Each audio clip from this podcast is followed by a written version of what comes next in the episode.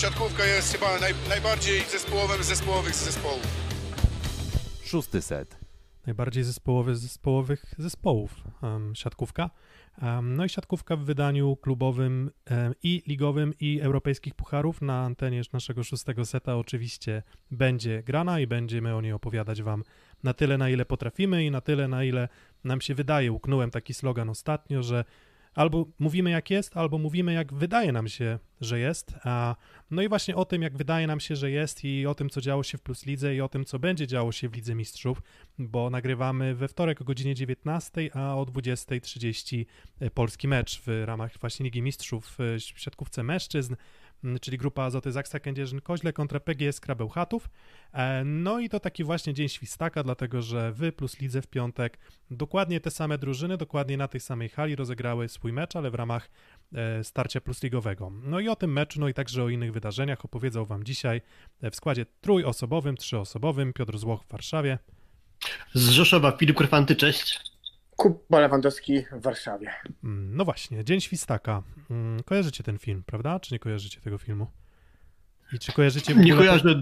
dokładnie, ale wiem do czego zmierzasz i wiem do czego chcesz tutaj e, nawiązać, oczywiście. Tak, dokładnie, więc te powtarzające się dni, no to mieliśmy piątek 17.30, to jeszcze tego zabrakło, żeby akurat ta godzina też się pokrywała. Um, no i grupa Azoty Zaksa Kędzierzyn-Koźle. Zaczniemy od tych wydarzeń plusligowych, dopiero potem może przejdziemy do Ligi Mistrzów. Mm, grupa Azoty y, Zaksa Kędzierzyn-Koźle, żeby być tutaj oddawać sponsorom jakby pełną, pełną powiedzmy mm, jakby wartość ich zasług y, dla budowy y, poszczególnych drużyn i, i, i ich budżetów. Mm, cały czas z kompletem zwycięstw. 11 spotkań rozegranych, 11 spotkań wygranych, ale już bez kompletu punktów. No i właśnie PGS Krabełchatów, jeszcze bez Taylora Sandera, ale w zasadzie w pozostałych, na pozostałych pozycjach skład kompletny, e, no i urwała pierwszy punkt Zaksie. Zaskoczeni, no widziałem według waszych typów, e, które też mm, pojawiły się na Twitterze, że Kuba chyba najmniej zaskoczony, no bo to ty idealnie wytypowałeś, że może tutaj faktycznie Zaksa stracić punkty. Ja myślałem, że to będzie jednak bliższe 3 do 1. No jak mnie wywołałeś pierwsze tablicy, no to się pierwszy odezwę. E, tak jak mówiłeś o typach, nie jestem bardzo zaskoczony, bo symptomy lepszej gry mm, z gry widziałem już wcześniej. E, no a Zaksa jest drużyną, która jest po covid w takim okresie, w którym większość drużyn ma problemy. Pamiętamy to, jeżeli chodzi o, o grę wielu drużyn, że ten pierwszy mecz po covid jeszcze był fajny, a później już zaczynały się schody. I tutaj dla Zaksy to był bodajże trzeci mecz po, po przejściu choroby. Tak.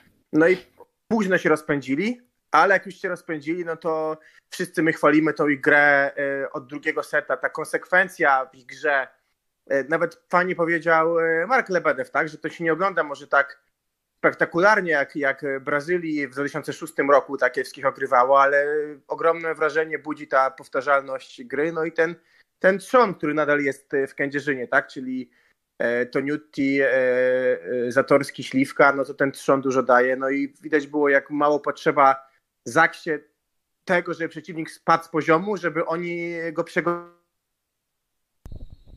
przegonili, tak? Bo wystarczy tylko lekki spadek u przeciwnika i, i Zaksa automatycznie wyciąga set na mhm. swoją Tylko w tym meczu właśnie piątkowym, o którym tutaj pewnie będziemy głównie mówić, to rzucało się w oczy z kolei ten taki element uzupełniający trzon, który, o, który, o którym Kuba ty mówiłeś, czyli wspomniałeś Toniutiego, Zadorskiego i Śliwkę, natomiast mam wrażenie, że chyba tak trochę dwa różne mecze zagrał Kamil Semeniuk, bo on koszmarnie zaczął spotkanie. W pierwszym secie napsuł mnóstwo i to nie tyle, że oddawał piłkę, co po prostu robił bezpośrednie błędy, czy to e, w zagrywce, czy to po prostu w ataku był kompletnie mm, nie swój, ale potem już trzeba przyznać, że do meczu wrócił i to już z niezłą dyspozycją. No i istotna rola w drugim secie jego seria zagrywek pozwoliła wysokie prowadzenie z gry zniwelować i ostatecznie to Zaksa wygrała tego seta. Tak samo było w piątej partii, gdzie też właśnie poszedł Semeniuk na zagrywkę, no i, i też zrobił taką robotę, że szybko ten tiebreak właściwie się rozstrzygnął mniej więcej jeszcze zanim chyba jego połowa piłek gdzieś tam została prowadzona e, do gry, więc wydaje mi się, że tutaj trzeba zwrócić uwagę na to, że Zaksa nie gra bardzo równo, bo też ten mecz z MKS-em Będzin nie był jakimś wielkim popisem w ich wykonaniu. No i zacząłeś Piotrego od tego, jak typowaliśmy tam ten mecz właśnie piątkowy, no to ja byłem przekonany właściwie, że Zaksa punktu tu nie straci, a jednak te wahania dyspozycji doprowadziły do tego, że Bełchatowianie potrafili doprowadzić do tej breka i myślę, że w kontekście tego, co dzisiaj będziemy oglądać, to jest dobry sygnał, że niekoniecznie musi to być jednostronne widowisko. To co, Semeniuk do kadry?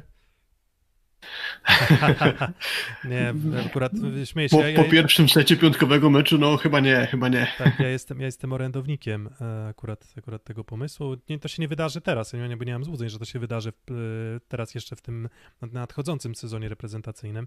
Myślę, że jeżeli chodzi o kadrę na Tokio, no to tutaj karty są już rozdane. Mm, przy czym e, nawet jak mówię, akurat wbrew pozorom uważam, że to z jakiego bagna wybabrał się Kamil Semeniuk w tym meczu jest dla mnie jakby ma większą wartość nawet niż gdyby on zagrał po prostu swój mecz od deski do deski dobrze, bo, bo, bo on był w stanie zareagować, a, a próbował rzeczy, które normalnie mu wychodziły. Atak z drugiej piłki, out niewielki, zagrywki w tym pierwszym secie, niewielkie auty, um, efektywność ataku ujemna i on gonił, gonił i gonił tą swoją grę i gonił swoją dyspozycję. No i dogonił, tak? I, I, dla mnie to jest bardzo duża wartość, tak? Bo, bo, bo, bo mógłby potencjalnie. I też tutaj zasługa Nikoli Grybicza, bo on już chyba przymierzał się do tego, żeby Adrian Staszewski na dłuższym dystansie wszedł i zastąpił Kamila Semeniuka, no ale utrzymał to, wytrzymał to Nikola Grbicz, a prawda jest taka, że no, ta jego cierpliwość została wystawiona na bardzo mocną próbę, no bo ten drugi set mógł się zakończyć i powiedziałbym nawet, że z przebiegu drugiego seta, no to PGS Krabełchatów w zasadzie przez dwie trzecie tego seta zasługiwała na jego wygranie.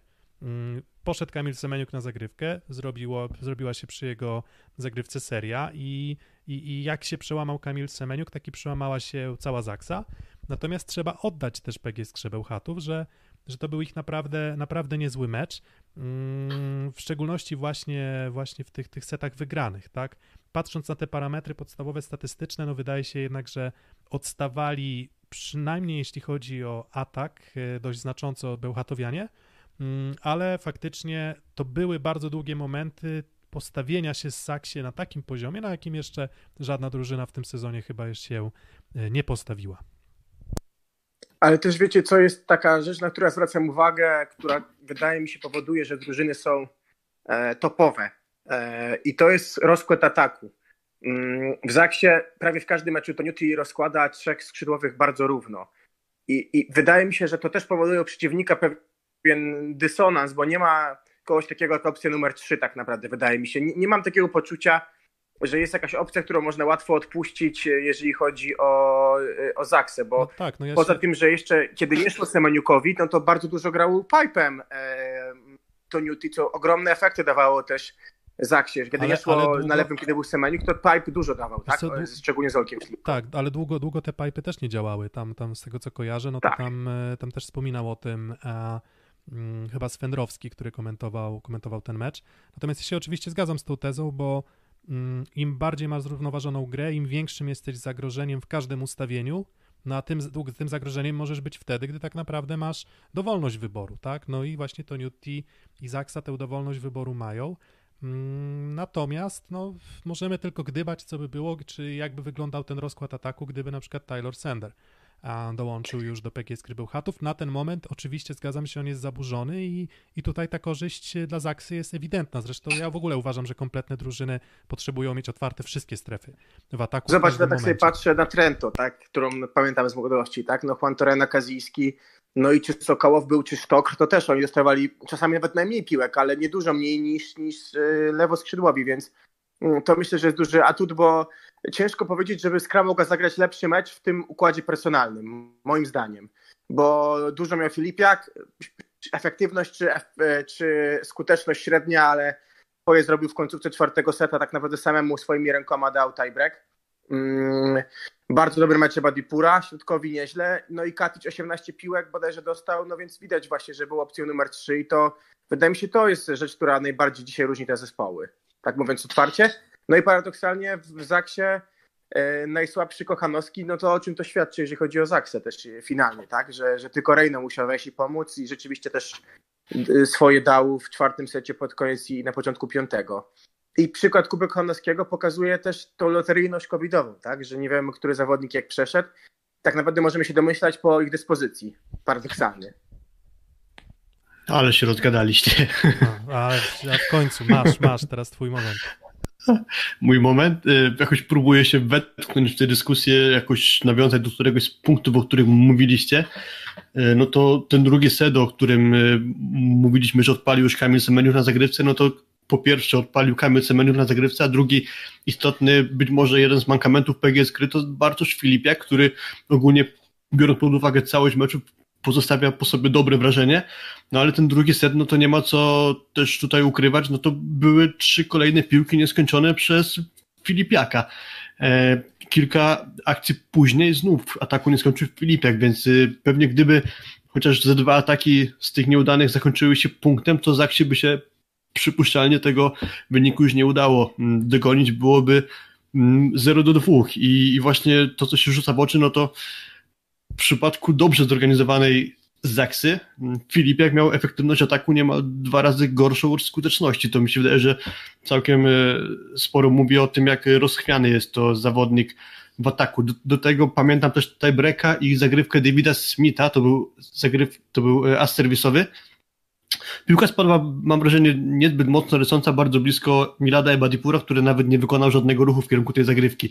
I to mi się wydaje, że jest jeden z takich kolejnych e, słabych punktów w ostatnich meczach PGS Kry, czyli e, wytrzymałość, czy kondycja po prostu irańskiego zawodnika. Od jakiegoś czasu wspominamy, że on jest w nie najwyższej formie, ma dobre momenty, ale brakuje też równości u niego. I, i ten e, właśnie as serwisowy w wykonaniu Smitha to jest moim zdaniem taki trochę mm, symptom tego, że nie do końca fizycznie właśnie Bełchatowianie jeszcze dobrze wyglądają, więc gdybyśmy chcieli przewidywać, jak będzie wyglądał dzisiejszy mecz, no to szczerze powiedziawszy, po tym piątkowym meczu nie mam pewności, że ani jeden, ani drugi zespół będzie w stanie zagrać bardzo równo i, i ciężko jest mi typować. Byłem dużo bardziej przekonany właśnie do piątkowego meczu, że to raczej gładko wygra, ale pokazała też e, keniarzyńska ekipa, że ma ludzką twarz w pewnym sensie. No i dlatego nie wiem, jak byście typowali wynik dzisiejszego meczu po tym, co widzieliście w piątek? No wiecie, znaczy tak, no to najłatwiej byłoby rzucić tutaj utartym sloganem w stylu um, wiecie co, europejskie puchary rządzą się swoimi prawami. Natomiast, no nie, no to są te same drużyny i grają w tych samych, na, na, na, tej samej hali i jedyne czym się to może różnić, no to może trochę takie mm, świeże otwarcie w głowie. E, że nie masz tego obciążenia, które wynika gdzieś tam z swojej pozycji w tabeli, e, z poprzedniej, poprzednich rywalizacji z, tymi, z tą drużyną, to jest nowa karta do napisania, nowe rozgrywki i to nie zawsze musi się pokrywać, no bo mamy przykłady nawet, nie wiem, Trefla Gdańsk, który doskonale radził sobie w Lidze Mistrzów, a w Lidze w tym samym momencie było bardzo nijako, tak? Oni tam wtedy zakończyli sezon na miejscu dziewiątym czy dziesiątym. Mm, dlatego no, tak, ale, ja, ale, ale się z tego śmieję. Myślę, że może to mieć swój wpływ, natomiast ja uważam jednak, że Zaksa jest e, drużyną lepszą, tak? I, i, w, i w szczególności we własnej hali to, to, to um, uważam, że ten ich mecz piątkowy raczej był wypadkiem przy pracy i Zaksa grająca na swoim poziomie po prostu skrę e, ogrywa. I ja stawiam, mimo wszystko, tak jak stawiałem, to, to stawiam na zwycięstwo Zaksy. Myślę, że 3-1 znowu, tak? A, a, a jak będzie, zobaczymy. Ja myślę, że będzie tiebreak znowu, z tego względu, że wbrew pozorom e, Skra w swojej dyspozycji obecnej nie odstaje bardzo mocno od Zaksy. E, odstaje oczywiście punktowo, bo ten, ten trzeci set dużo, dużo zmienił, ale w mojej optyce jakby tego, jak wyglądają obie drużyny mm, z innymi terminami zakończenia kwarantanny, no to ta gra jest dosyć zbliżona i mam wrażenie, że też za swój rytm w końcu po, po, po, po graniu, bo już też się nie mówi o ich problemach ich zdrowotnych, łamać jest zdrowy. No i też mówmy się, najlepsze drużyny w tej grupie, więc pewnie dzisiaj postawią na swoje największe armaty, a, a jakieś ewentualne roszady będą miały miejsce mm, z, dopiero w następnych spotkaniach. Jestem bardzo ciekaw, jak wytrzymają też fizycznie te drużyny. Pewnie będziemy o tym za chwilę sobie mówić więcej, ale ja się zastanawiam, czy nie stanie szansy już Sander w jakimś z tych trzech meczy na jakiś krótkim wymiarze. Tak mi się wydaje ciężko przewidywać, nie mam właściwie pojęcia i mało kto pewnie poza klubu właśnie Bełchatowskiego jest w stanie może coś więcej powiedzieć o, o zdrowiu takim rzeczywistym Taylora Sandera. Tak mi się przynajmniej wydaje, że jest to duża niewiadoma i raczej bym się chyba nie nastawiał na wejścia Amerykanina, chyba że na jakieś pojedyncze mm, akcje raczej bym tutaj nie szukał jakiejkolwiek przewagi właśnie w postaci tego przyjmującego, ale to bliżej mi jest właśnie ku temu, co mówił Piotrek, aniżeli Kuba, bo, bo nie sądzę, żeby to był wyrównany mecz, jeśli Zaksa będzie potrafiła zagrać na swoim poziomie, jeśli chociażby Kamil Semeniuk będzie grał od początku na swoim takim normalnym poziomie, do którego nas zdążył przyzwyczaić, no to akurat Śliwka w piątek zagrał znakomite zawody. Mm, do reszty też jakieś ciężko mieć duże zarzuty, dlatego wydaje mi się, że jednak Zaksa dzisiaj nie da sobie urwać punktu, gdyby miał typować. Mm, no dokładnie, ja też takiego zdania jestem, um, ale no zobaczymy. 20.30 start, anteny Polsatu Sport, jeżeli dobrze pamiętam. Nie wiem, nie, wydaje mi się, że Polsat Sport ten taki główny. Chyba, że nie wiem, bo tam w sumie też nie wiem, czy to się nie nakłada z z jakimiś tam też rywalizacją w innych dyscyplinach, ale chyba Liga Mistrzów mhm. Piłkarska. Jeśli strona flashscore.pl nie kłamie, to na Polsat Sport. Okej, okay, no to na Polsacie Sport będziemy mogli obejrzeć ten. Tylko, że o 20.30 też jeszcze Perugia z Lubę gra i, i, i nawet nie wiem, czy jest transmisja w telewizji Polsat, aż e, zaraz zobaczę z ciekawości. Tak, wydaje mi się, że ma być, dlatego że chyba ten mecz Jastrzębskiego Węgla który miał się odbyć i miał być transmitowany, no to nie, zostanie, nie, nie odbędzie się z jakiego powodu. Oczywiście, może część już z Was, drodzy słuchacze, wie, o tym też opowiemy, no ale najpierw jeszcze chwilę o Plus Lidze. Mm, to myślę, że już możemy wyjść z tego meczu, bo, bo, bo jakoś o ten mecz będziemy na pewno zahaczać też przy analizie e, Ligi Mistrzów. E, natomiast e, no, działo się też w Plus Lidze. Zresztą jak zwykle się działo, mm, można powiedzieć, że już pra, prawie takie kompletne kolejki udaje nam się rozgrywać i to taka kolejka pod szyldem. Mm, nie chcę mówić, że też niespodzianek, natomiast te drużyny teoretycznie z drugiego szeregu, drużyny, które chyba raczej stawialiśmy jako no, tych, no, bez wyjątku, jako te, które raczej przegrają, tutaj mówię o Stalinysa z Werwą Warszawa, czy, czy Kuprum Lubin z Treflem Gdańsk, no to okazuje się jednak, że i, i Stalnysa, i Kuprum zaprezentowały się naprawdę nieźle i no i może od tego meczu Stalnysa, tak, no bo to jednak chronologicznie idąc piątek 4 grudnia o 20.30 2 do 3 z Werwą Warszawa Orlen Paliwa. Ja tutaj przewidziałem stratę punktów przez Warszawian. Mm, no i tak się trochę nasuwa pytanie, co się dzieje z Bartoszem Kwolkiem, że, że w zasadzie gra Igor Grobelny i no i gra niczego sobie też, prawda? Mhm. Jest to o tyle enigmatyczne, że w poprzednim meczu Werwy z Lubinem, który Warszawianie wygrali 3 do 1, Bartosz Kwolek zaczął w kwadracie dla rezerwowych, ale w trakcie tego meczu, gdy trochę problemów się pojawiło nie po stronie Warszawian, to na boisko wszedł. Natomiast w tym meczu z Nysą z kolei na boisku nie pojawił się ani przez chwilę, dlatego sądziłem, że może będzie odwrotnie, że gdzieś jakieś apogeum ewentualnego mm, y, problemu zdrowotnego Kwolka będzie wcześniej, a właśnie później będzie już stopniowo wprowadzany. A tu było odwrotnie i no ja nie wiem tak naprawdę, co dzieje się z Bartoszem Kwolkiem, no ale trzeba przyznać, że Igor Grobelny znakomicie go zastąpił. A, a nie, nie, są to powikłania jakieś, bo on mówił e, dość długo i często o tym, że nie ma tej dynamiki, że, e, że czuje, że czuje jakby, że wirus zostawił ślad na jego organizmie i może mając na uwadze jak długi jest sezon i to, że on wcześniej grał praktycznie bez przerwy i to, że de facto no, no jest niby czwarty przyjmujący Jan Fornal, ale na razie miał mało okazji do gry, po prostu jest oszczędzany na, na drugą część e, sezonu. Kto wie? Mm, no tak, no ale tak czy inaczej e, Igor Grobelny zagrał no, bardzo dobry mecz, on zresztą zna, ze statuetką MVP. Mm, wyjechał z Lubina, najwięcej przyjęć w drużynie. Mm, bardzo wysoka, bardzo wysoka skuteczność, tylko dwie zagrywki popsute na 17. E, to taki właśnie mały, mały przegląd statystyczny, jeżeli chodzi o Igora Grobelnego. Natomiast no, on po prostu też był, był bardzo istotnym elementem w, w ofensywie, jeśli chodzi o atak. Tak, on dostawał dość dużą liczbę piłek tych trudnych albo piłek na kontrze, więc tym bardziej e, szacunek i tak trochę też wspominali, wspominaliśmy o tej krótkiej ławce werwy, no ale okazuje się, że w razie czego, jak jest potrzeba, to, to Igor Grobelny jako taki uniwersalny zawodnik, bo on też i przecież potrafił grać na, na pozycji poprzekątnej z rozgrywającym, na pozycji atakującego w poprzednim sezonie, mm, no to on po prostu zawsze jakąś tam jakość swoją gwarantuje.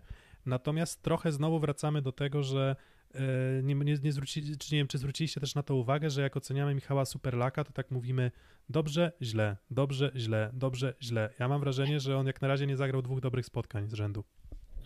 Mhm, tak, ale gdyby policzyć, to w sumie gdzieś jakieś sześć spotkań zagrał już takich na przestrzeni całego sezonu, że można by je określić jako dobre albo nawet bardzo dobre, tylko właśnie problem polega na tym, że ten rozstrzał między tymi dobrymi meczami jest całkiem spory i, i zdarza mu się to przeplatanie właśnie dobrych meczów z słabszymi. I ten był taki, można powiedzieć chyba co najwyżej przeciętny w jego wykonaniu, chociaż też dość sporo cierpliwości do niego miał trener Anastazji, bo bo na krótko pojawiali się zmiennicy, a, a Majka już dwóch a propos tego, co mówiłeś Piotrek e, odnośnie szerokiego składu, no bo Igor Grobelny na przyjęciu ok, ale właśnie Superlak ma ewentualną rywalizację z Janem Królem i z Jakubem Ziobrowskim. No tak, Częściej ostatnio pojawiał się Ziobrowski, teraz akurat postawiono na Jana Króla. No to jakbyśmy Grobelnego liczyli, to nawet trzech, trzech tam jest graczy, czterech do rywalizacji. Na, tak, na to już momentami byłoby w sumie tak. więcej atakujących niż środkowych, przynajmniej do niedawna, bo bo jako czwarty dołączył tam Michał Kozłowski, ten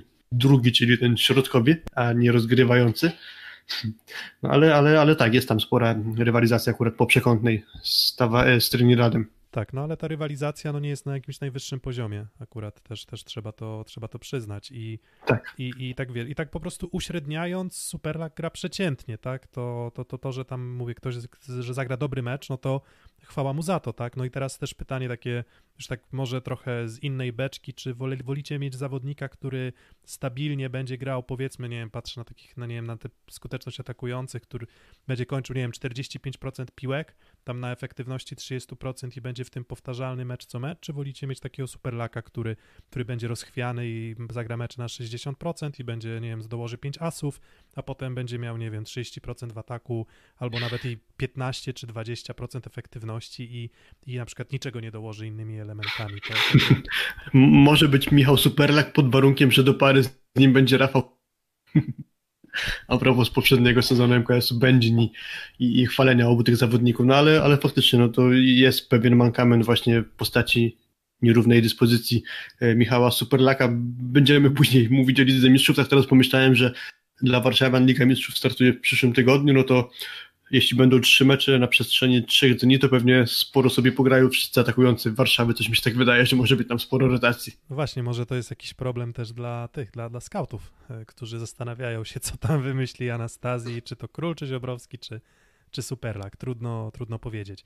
Sta... Jestem ciekaw, czy Warszawa podchodzi ambicjonalnie do Ligi Mistrzów, no bo ubiegły sezon, no to pewna kompromitacja, można powiedzieć, tak? No bo nie wyszli z grupy, Turi i Lizbona okazały się zbyt, e, zbyt trudnymi rywalami na wyjeździe. Teriomienko, Terio, Teriomienko, Tamema i Dearo tam upokorzyli werwę przecież.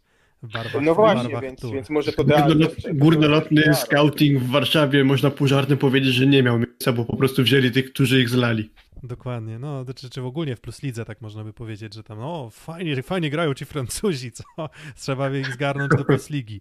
A, no i właśnie, i z Ligi Francuskiej też Wasim Bentara i on kolejny, kolejny bardzo udany mecz, e, obciążony niemiłosiernie, bo tak wspominaliśmy o tym rozkładzie ofensywy e, w drużynie Werwy, no to tam na skrzydła to się prawie, że równiutko od linijki rozkładało, natomiast no tutaj Bentara, no zdecydowany lider drużyny, Um, no i cóż, no jak na razie Michał Filip nie jest w stanie nawiązać rywalizacji o miejsce w składzie.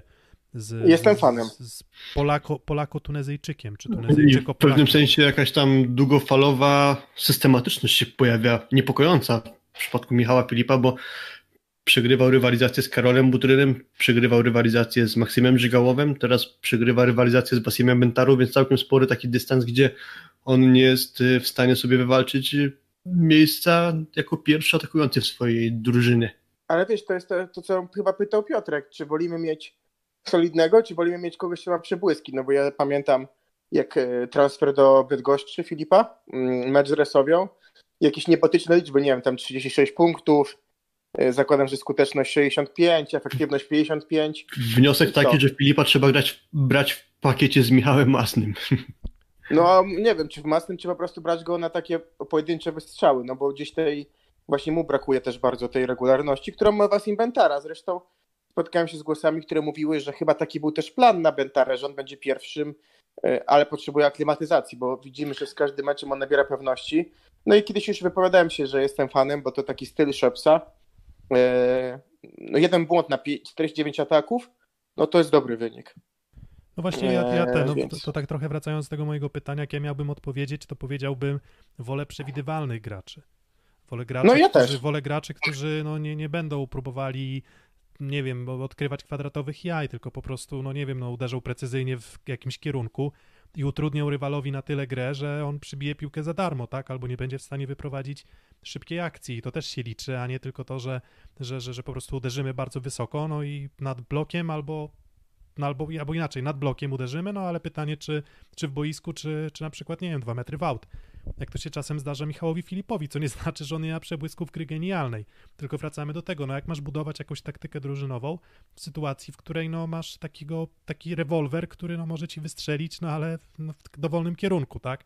No i wydaje mi się, że właśnie, właśnie trochę i w przypadku i Bartmana i Filipa, właśnie na takie bardziej powtarzalne jednak e, pistolety mm, stawia w tym momencie Krzysztof Stelmach. No i teraz też ciekawa postać, Bartosz Bućko, bo on też e, 45 przyjęć, no to praktycznie połowa, połowa przyjęć i przyjmował większość piłek bardzo dobrze. Mm, Dołożył swoje w ofensywie.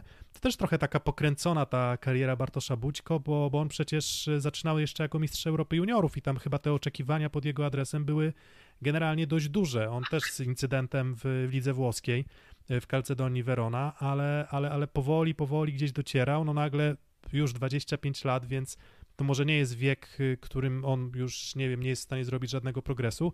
Natomiast ta droga raczej nie była um, usłana różami, o tak, tak bym to ujął, tak? Ale do, doszedł do momentu, w którym też wykorzystując kontuzję Bartmana, pokazuje się ze strony naprawdę niezłej. No i śmiem powiedzieć, że, że, że gra lepiej niż y, no, Łaprzyński, który ponoć też akurat y, kontuzja, mm, jeżeli Mhm. dobrze kojarzę. No, w ogóle Bartosza Bućko to jeszcze kojarzy z gry na pozycji atakującego, więc jeszcze tutaj dochodzi jeszcze no, mieszanie po prostu pozycjami, co pewnie gdyby postawił na jedną, może doprowadziłoby do tego, że dzisiaj byłby w swojej karierze kilka kroków dalej, ale takiej pewności pewnie nie ma. Zwykle odnośnie gry Nysy, gdy grał Zbigniew Bartman, powtarzaliśmy to, że bardzo dużo piłek jest przyjmowanych właśnie przez y, Zbigniewa Bartmana, to ten mecz akurat trochę pozwolił przypomnieć o tym, jak to wyglądało właśnie z, z Bartmanem, bo Bartosz Buczko, tak jak powiedziałeś, Piotrek, on przyjął prawie połowę piłek ze swojego, swojego zespołu, ale o ile tak to po prostu wyglądało, że dla Bartmana oznaczało to spadek skuteczności ataku, tak tutaj akurat Bartosz Bućko mm, spadku skuteczności ataku nie zanotował, a wręcz no, bardzo dobre liczby w jego wykonaniu. E, Gorzej, że właśnie jak wspomniałeś, zabrakło tego zawodnika do pary z nim, który teoretycznie pewnie by zagrał, czyli Łukasza Łapczyńskiego, który myślę, że bardzo solidnie się od początku prezentował. Pek akurat, że teraz złapał kontuzję, mecz wcześniej mu kompletnie nie wyszedł, to by ten mecz zdaje się z Katowicami. Pięciosetowy, chyba tam dwie piłki, tylko z kilkunastu w ataku skończył e, Łukasz Łapczyński, ale myślę, że jednak to byłby znacznie lepszy partner dla niego aniżeli Kamil Długosz i, i chętnie bym zobaczył właśnie Nysę na jeszcze dłuższym dystansie mm, z parą na przyjęciu właśnie Bućko i, i Łapczyński, bo to moim zdaniem wyglądało wtedy najlepiej, ale chciałbym to zobaczyć na dłuższym dystansie. Nie wiem, czy to do tego dojdzie, bo z kolei Zbigniew Bartman już pojawiał się na boisku w tym meczu z Warszawą, więc być może będzie jednak Krzysztof Stelma próbował e, drążyć ten schemat gry właśnie z mm, Bartmanem. No właśnie, Ale on nic nie daje, więc jeśli, Tak, jest- jakby tak. wydaje mi się, że nie po, powinien od tego Stelmach e, Krzysztof moim zdaniem odejść. Problem tak, to, bo z Łopszyńskim i z Bućko wygrali z Zawierciem, więc jedyna wygrana odniesiona właśnie z takim duetem na przyjęciu. Kamil Długosz solidny zawodnik, jeżeli chodzi o numer 3-4, ale no nie bez kozery to jest zawodnik, który bardzo często wraca do pierwszej ligi, bo mam wrażenie, że to jest taki zawodnik dobry na, na, na, na uzyskanie awansu. tak, taki, e, taki na, na, na do klasy wyżej po prostu, a tak. już w lidze brakuje trochę motoryki, brakuje trochę szybkości. Tak, no ale, ale to też ciekawe, że, że nawet obserwując to, jak wyglądały te, te, te zmiany, mm, no to nie radził sobie Kamil Długosz, wszedł Zbigniew Bartman, Zbigniew Bartman nie radził sobie jeszcze bardziej, tak, bo nie dość, że w ofensywie w zasadzie wyszło na to samo, to, to, to, to jeszcze gorzej było z, z przyjęciem i w zasadzie nie było, nie było też żadnej jakości tutaj ze strony Zbigniewa Bartmana na zagrywce, tak, dwa razy poszedł, dwa razy popsuł. Mm, Czyli ciekaw jestem, czy właśnie trochę w imię jakby stylu gry, który bardziej już się może zaczyna opierać na stabilniejszym przyjęciu, no bo też no, stabilne przyjęcie, no to jest bardzo dużo też Bartłomieja Lemańskiego, no i myślę, że 20 ataków jak na środkowego mm, to jest sporo, to jest, to jest, to jest naprawdę, naprawdę dużo i uważam, że, że, że, że, że, że stara się wykorzystywać, a wręcz do bólu e, Marcin Komenda Bartłomieja Lemańskiego. E, może nie są to najbardziej wyszukane formy ataków, tak bym to ujął, natomiast no, jak się jest Bartłomiejem Lemańskim i się tam ma ponad 210 cm wzrostu, no to czasem wystarczy po prostu nie ściągać piłki, uderzyć gdzieś daleko w 7-8 metr i, i tyle wystarczy. Gorzej, jeśli chodzi o Bartłomieja Lemańskiego, że mam wrażenie, że trochę za dużo błędów robi w ataku. Atakuje często właśnie z tego swojego wysokiego pułapu, ale, ale kończy się to, moim zdaniem, tak uważam, za często po prostu popełnia bezpośrednie błędy, yy, atakując gdzieś piłkę w aut. Może nie tyle szuka gdzieś 7-8 metra, co bardziej właśnie gdzieś ataków do boku, przez co te piłki są zrywane. No i jakoś tak wyszło, że wspomniałeś jego do pary z Marcinem Komendą. To są akurat dwaj zawodnicy, od których y, liczyłbym, że pokażą jeszcze trochę lepszą grę. I w przypadku Bartka właśnie to na pewno trochę więcej w zagrywce i liczyłbym, że wyeliminuje te błędy w ataku. No, a w przypadku Marcina Komendy no to po prostu nie jestem zachwycony tym, co prezentuje jako rozgrywający, chociaż rozegranie to jedno. Myślę, że tutaj warto wspomnieć, że Marcin Komenda był w większości meczów Stali Nysa najczęściej serwującym. To taki drugi aspekt mniej ważny, jeśli chodzi o rozgrywających. No dobra, no to chyba tyle o tym meczu, bo też jeżeli chcemy jeszcze się wyrobić tam w miarę na spokojnie przed tym meczem Ligi Mistrzów, Mam, nie wiemy, czy jeszcze godzinę porozmawiamy, zobaczymy, jak nam pójdzie. Jak, jak się dobrze słucha, to, to, to dajcie znać też w komentarzach e, na, na czacie, zadawajcie też pytania albo, albo nie wiem, no, starajcie się uczestniczyć w tej dyskusji z nami.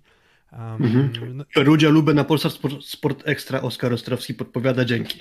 Tak, tak, pozdrawiamy Oskara. Dzięki, że jesteś i dzięki, że zawsze stoisz na straży wyboru odpowiednich programów, jeżeli chodzi o, o oglądanie siatkówki. Bez, bez ironii żadnej. To akurat wartościowa, oczywiście, oczywiście. Wa wartościowa informacja. E, Kuprum Lubin Tref Gdańsk też 2 do 3. E, Tref Gdańsk z dwoma punktami wyjeżdża z Dolnego Śląska. Mm, no i tak jedna, mam, mam, trochę problem z Treflem Gdańsk taki, że ja w zasadzie nie bardzo jestem w stanie wskazać taki jeden element, w którym uważ, uważam, że się znacząco wyróżniają na tle ligi. Bo co, co nie oznacza, że nie są dobrzy w każdym z elementów siatkarskiego rzemiosła. Natomiast no to też pytanie, czy ta utrata punktów, no to to Kuprum nie jest takie słabe, jak się okazuje, jak niektórzy próbowaliby by ich określać przed sezonem. Mm, jak my też mieliśmy taki moment, w którym no, zastanawialiśmy się, jak tam będzie z tymi zwycięstwami, no ale Tref Gdańsk, panowie, no to co jest największym atutem Trefla Gdańsk, bo... Wiesz bo... co, no to ja powiem jako Dwa imiona. Dyżurny, dyżurny, dyżurny gdańszczanin, czy dyżurny spec od Trefla, co, jest, co wyróżnia według mnie bardzo solidnie przyjmujący, chyba mający bardzo mało fal, falowań w grze, bo czy gra Mika, czy gra Reichert, to w tym sezonie daje bardzo dobre przyjęcie. E, na przykład tutaj Reichert liczby z Kuprum rewelacyjne, jeżeli chodzi o przyjęcie, moim skromnym zdaniem ma najwięcej, no nie, najwięcej przyjmuje Lipiński, ale, ale jeżeli już nie idzie piłka Lipińskiego, to Reichert przyjmował bardzo dobrze. E, robią ci drudzy przyjmujący bardziej defensywnie w ataku, mm, no a Lipiński błyszczy, błyszczy ostatnie te mecze, kiedy wygrywa y, Gdańsk, no to Lipiński gra rewelację, tak? I był taki moment, kiedy on falował, wtedy też gra Trefla falowała, ale on gra po prostu fantastycznie.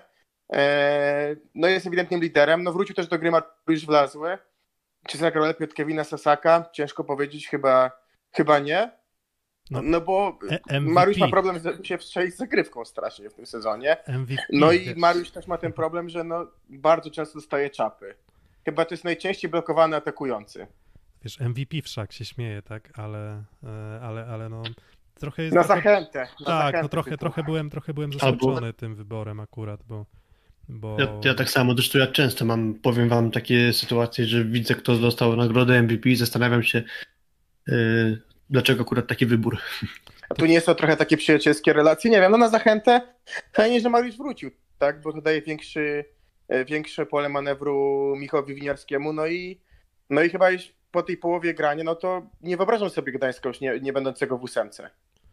Um, no mhm, tak, ale bardzo, bardzo ja bym też, też, w takim razie poszedł, poszedłbym dalej w temacie, bo uważam, że Marcin Janusz jest bardzo ważnym elementem i takim dużym atutem, jeśli chodzi o jakieś takie wyróżnienie się na tle tej średniości Piotrek, o której ty powiedziałeś, no to, no to na No. pewno wskazałbym na rozegranie Marcina Janusza. To też, to też e, zw- zwróciłbym uwagę na jeden element układanki. Do tej pory w tych starciach z drużynami z teoretycznie. Znaczy, Trefl pokazuje to, co mm, niby wszyscy wiedzą, a generalnie trudno jest to zrealizować, czyli stabilna i poukładana gra i nietracenie punktów z dołem tabeli wystarczy na to, żeby znaleźć się w niej wysoko. Mm, Bo oni do tej pory stracili punkty w zasadzie tylko z MKS-em Będzin właśnie Kuprum Lubin, jeżeli chodzi o te starcia gdzieś tam w, w dole tabeli. Wykorzystali też trochę mm, słabość y, post-covidową Werwy, mm, wykorzystali słabość post-covidową Asekoresowi Rzeszów. E, No i te też takie kolejne pytanie, które mi się nasuwa, czy Trefl jest taki mocny, czy może po prostu wykorzystuje to, że w miarę udało im się przechorować COVID bezboleśnie na początku jeszcze w, na okre- w trakcie okresu przygotowawczego, dostali dodatkowy czas na to, żeby przygotować się już do samego sezonu, a w momencie, kiedy ten okres przygotowawczy, ten powiedzmy covidowa fala numer dwa trafiła Tref Gdańsk, no to w zasadzie zostało tam już tylko kilku zawodników, no i wtedy akurat zabłysnęli Sasak i Mika, żeby nie było, ja absolutnie nie chcę oddawać ci Treflowi Gdańsk, tylko że no widzimy ich na drugim miejscu w tabeli i czy to, to gdzie, gdzie skończą? Playoffy na pewno, ale to będzie piąte, szóste, siódme, jak już y, Resowia, Skra, Jastrzębie czy Zawiercie się otrzepią? Dobre pytanie. Dobre pytanie, ale mm, nie wiem. No 5-8 na pewno, wiesz Piotrek, na pewno 5-8. Bo Ale, ale tak, playoffy, playoffy na pewno, ale, ale jak nisko spadną, no bo nie sądzę, żeby byli w stanie utrzymać drugą lokatę, chociaż akurat y, oni mają 14 meczów rozegranych, to jest drużyna, która ma tych, tych meczów rozegranych y, najwięcej, w sumie nie ma nikt y, 15 spotkań rozegranych, zdaje się w tym momencie, no i Tref Gdańsk, jeśli popatrzymy na procent możliwych zdobytych punktów, to zajmuje aktualnie trzecią lokatę, więc nawet jeśli te mecze w swojej liczbie się w miarę wyrównają, no to i tak względnie dobrze Gdańszczanie nawet bardzo dobrze punktują, więc nawet jeśli oni spadną, no to sporo do odrobienia będą mieli do nich ich e, rywale.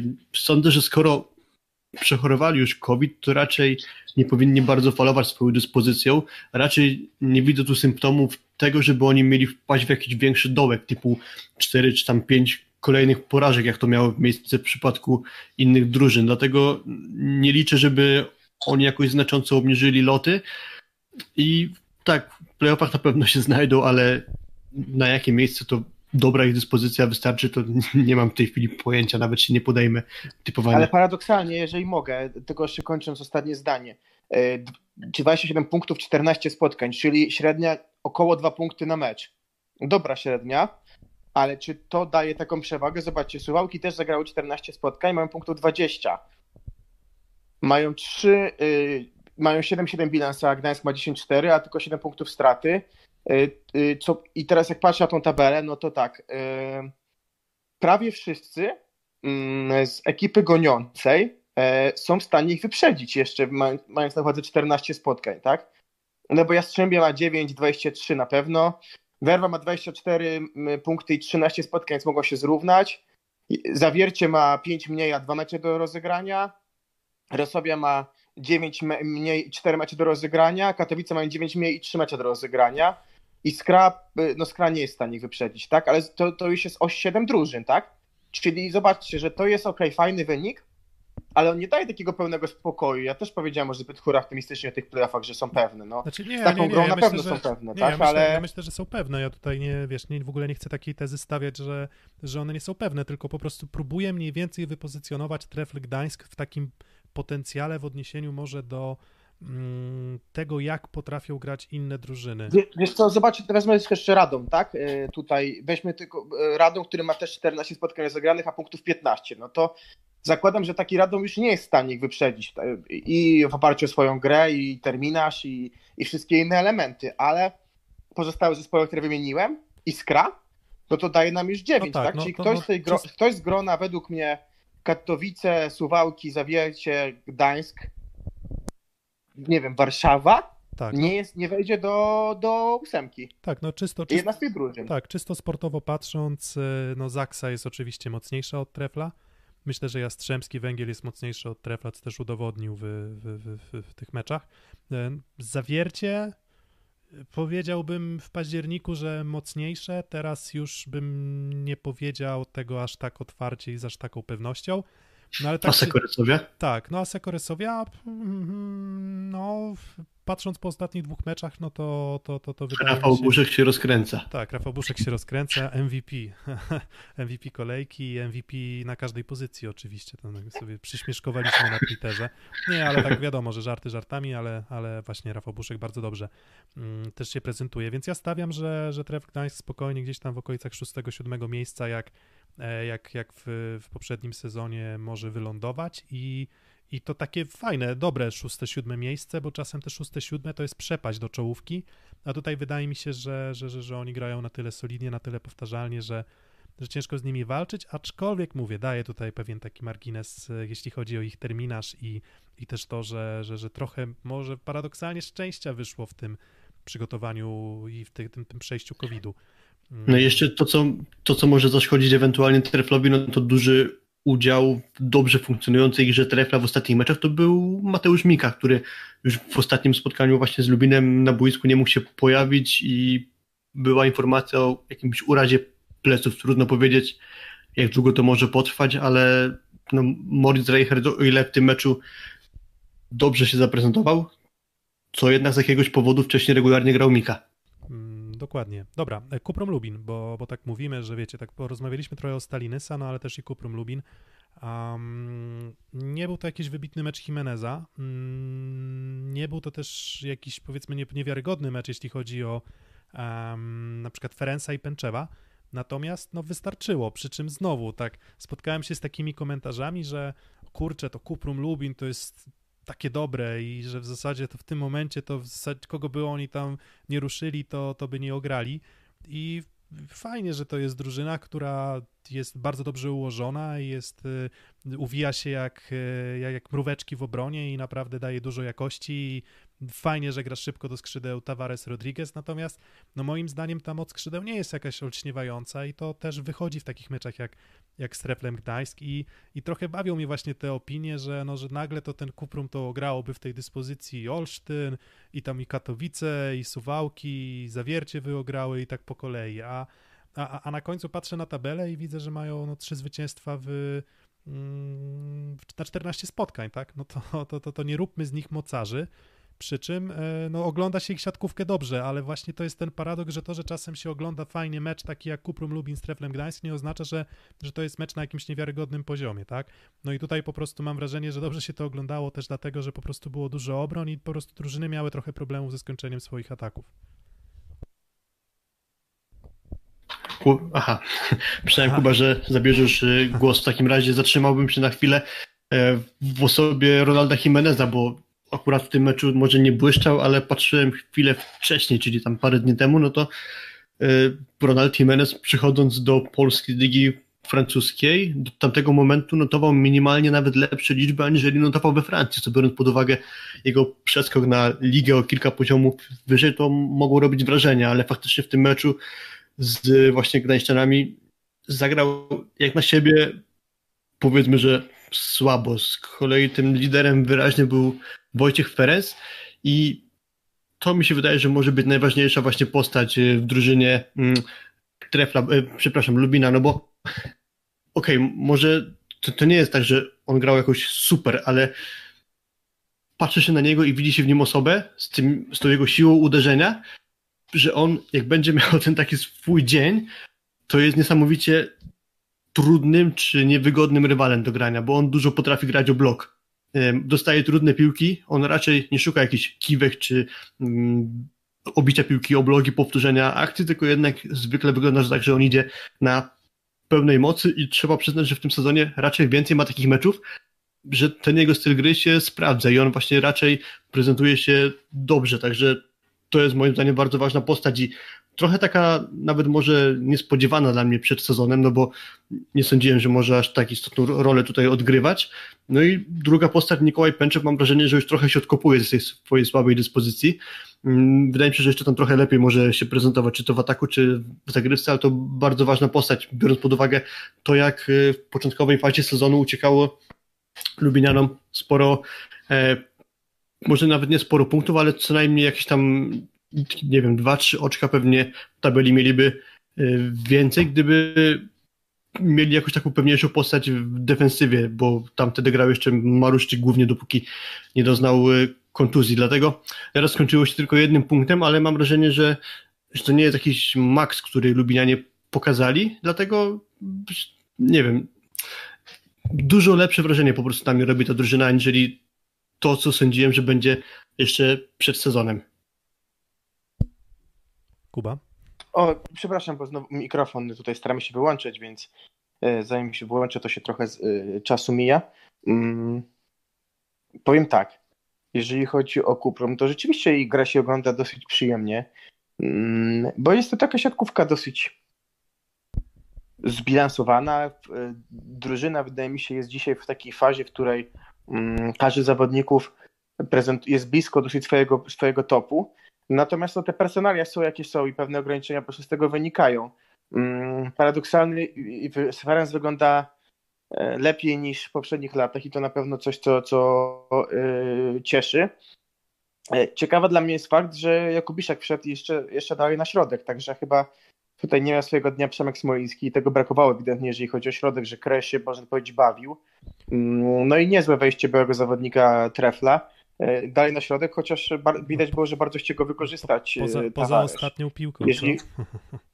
No tam, dokładnie, końc... no, dokładnie samą, tak. samą, końcówką, tak? Gdzie, gdzie wyrzucił w out chyba, tak? Bezpośrednio. Dokładnie, dokładnie. Wiesz, czasami chyba za bardzo chcesz, jak grasz w takim spotkaniu. E, natomiast kluczem chyba jest forma pęczewa Mm, no bo Pęczew, jeżeli chodzi o zawodnika defensywnego, no to daje bardzo dobre przyjęcie i chyba nie wiem, czy jak tak patrzyłem sobie na statystyki i też wizualnie, czy to nie był oni z Szymurą rewelacyjnie wyglądali w linii przyjęcia, tak? I dużo miał dobrego grania, y, w sensie dużo miał dobrych piłek y, Tavares, a wiemy, że on ładnie prowadzi grę. No i dużo psu, najwięcej od dawna napsuli krwi gdańszczaną, to też ciekawe, prawda? Mm, tak, no właśnie, jeżeli chodzi o Lubin, no to też um, wydaje mi się, że tutaj właśnie postać Mm, wspominaliście o Jimenezie, o Pęczewie, to każdy ma tam swoją tezę. Ja uważam, że właśnie Wojciech, Wojciech Ferenc jest tutaj bardzo istotny. I też mam takie wrażenie, że jak, jakby tak, jakby miał oceniać przed sezonem, to nie spodziewałem się, że Wojciech Ferenc będzie w stanie grać tak dobrze. No bo co do tego chyba nie mamy żadnych wątpliwości, że gra naprawdę bardzo dobrze.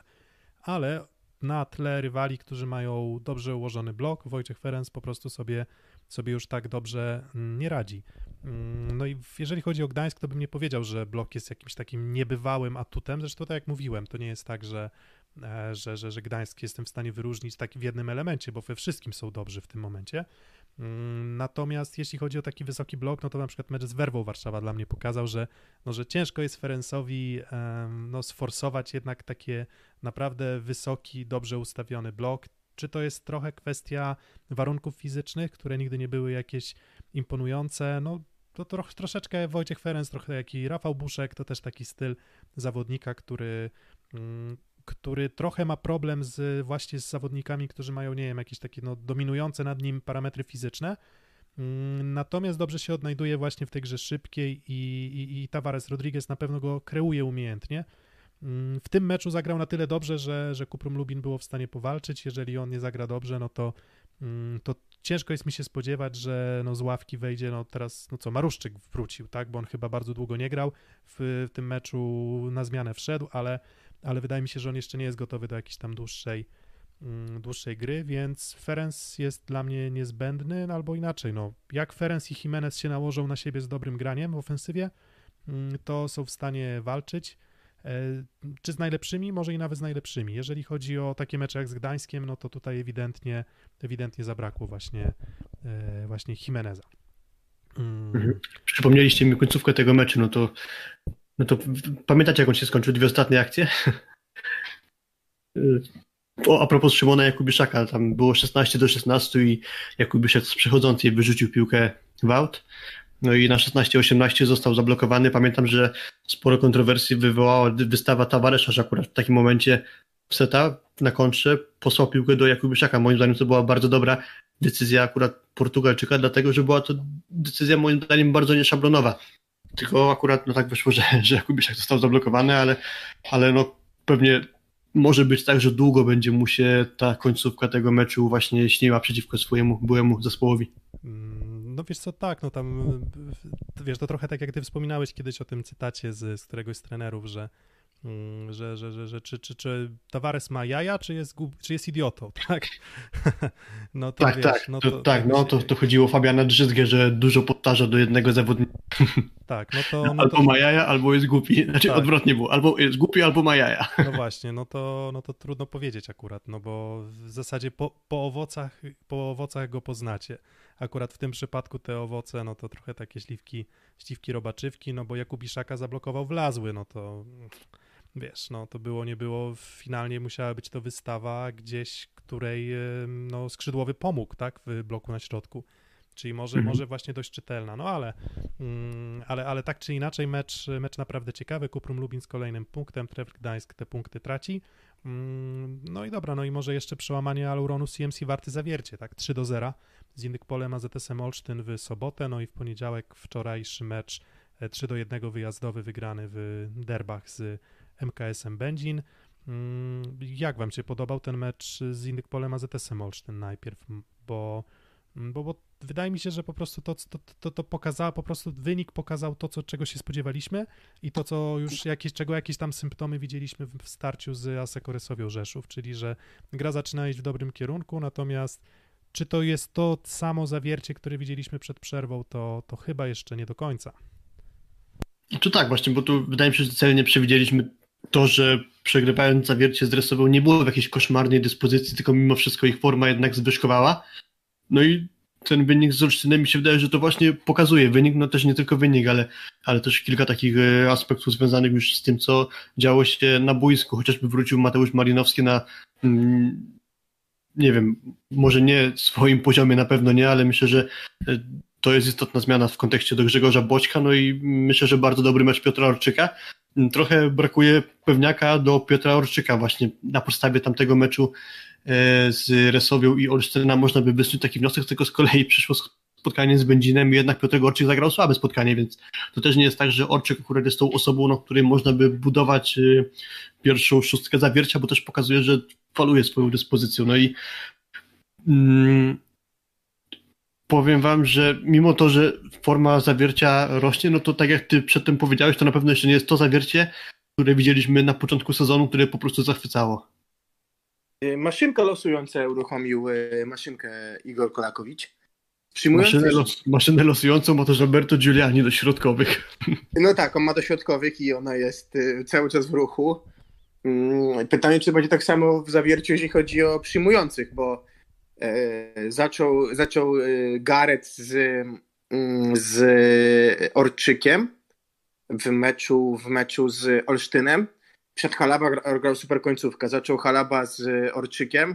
Mm, Orczyk wszedł za niego najpierw Depowski, a potem finalnie Mogatotija, który zagrał super, więc tak, mm, nie mogą się zgrać dwaj przyjmujący i chyba Piotrek, ty miałeś taką tezę, nie wiem czy to mówiliśmy sobie osobiście, czy to mówiliśmy na ostatnim odcinku, jeżeli chodzi o podział przyjmujących, a widać, że Kolakowicz go w jakiś sposób zmienia.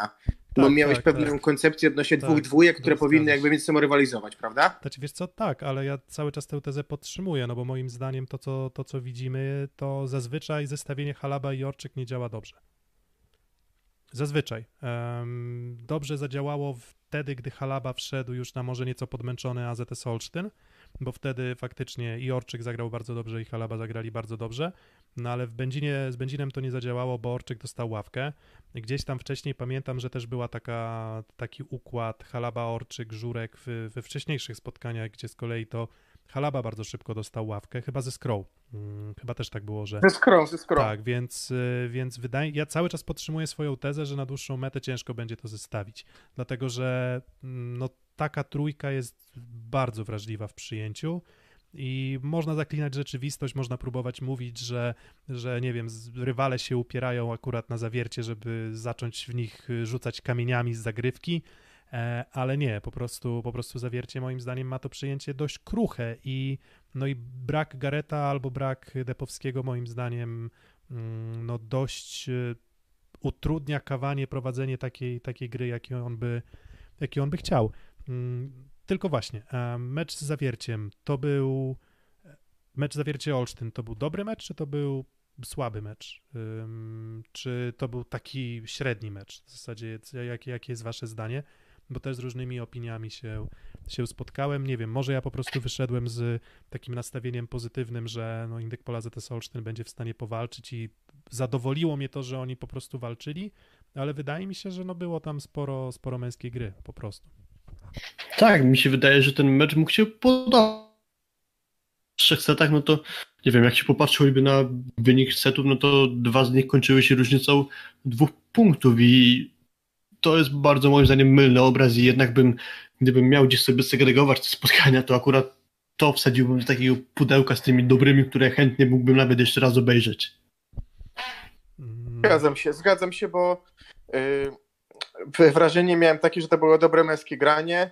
Yy, zabrakło trochę, wydaje mi się, jeżeli chodzi o Olsztyn, Rubena Szota, yy, no bo e, wszedł za niego Andringa, no i z całym szacunkiem dla kapitana akademików, no to on prezentuje jednak się w ofensywie trochę słabiej od Szota i tego wydaje mi się zabrakło po prostu w tym meczu. No wczoraj, znaczy w tamtym meczu akurat może nawet Andringa nie wypadał tak źle, ale tak co do zasady, no to w tym, w tym sezonie no Szot wygląda dużo lepiej. No i tam też e, ponoć Kawanna się zaczaił na, e, na, na, na Szota.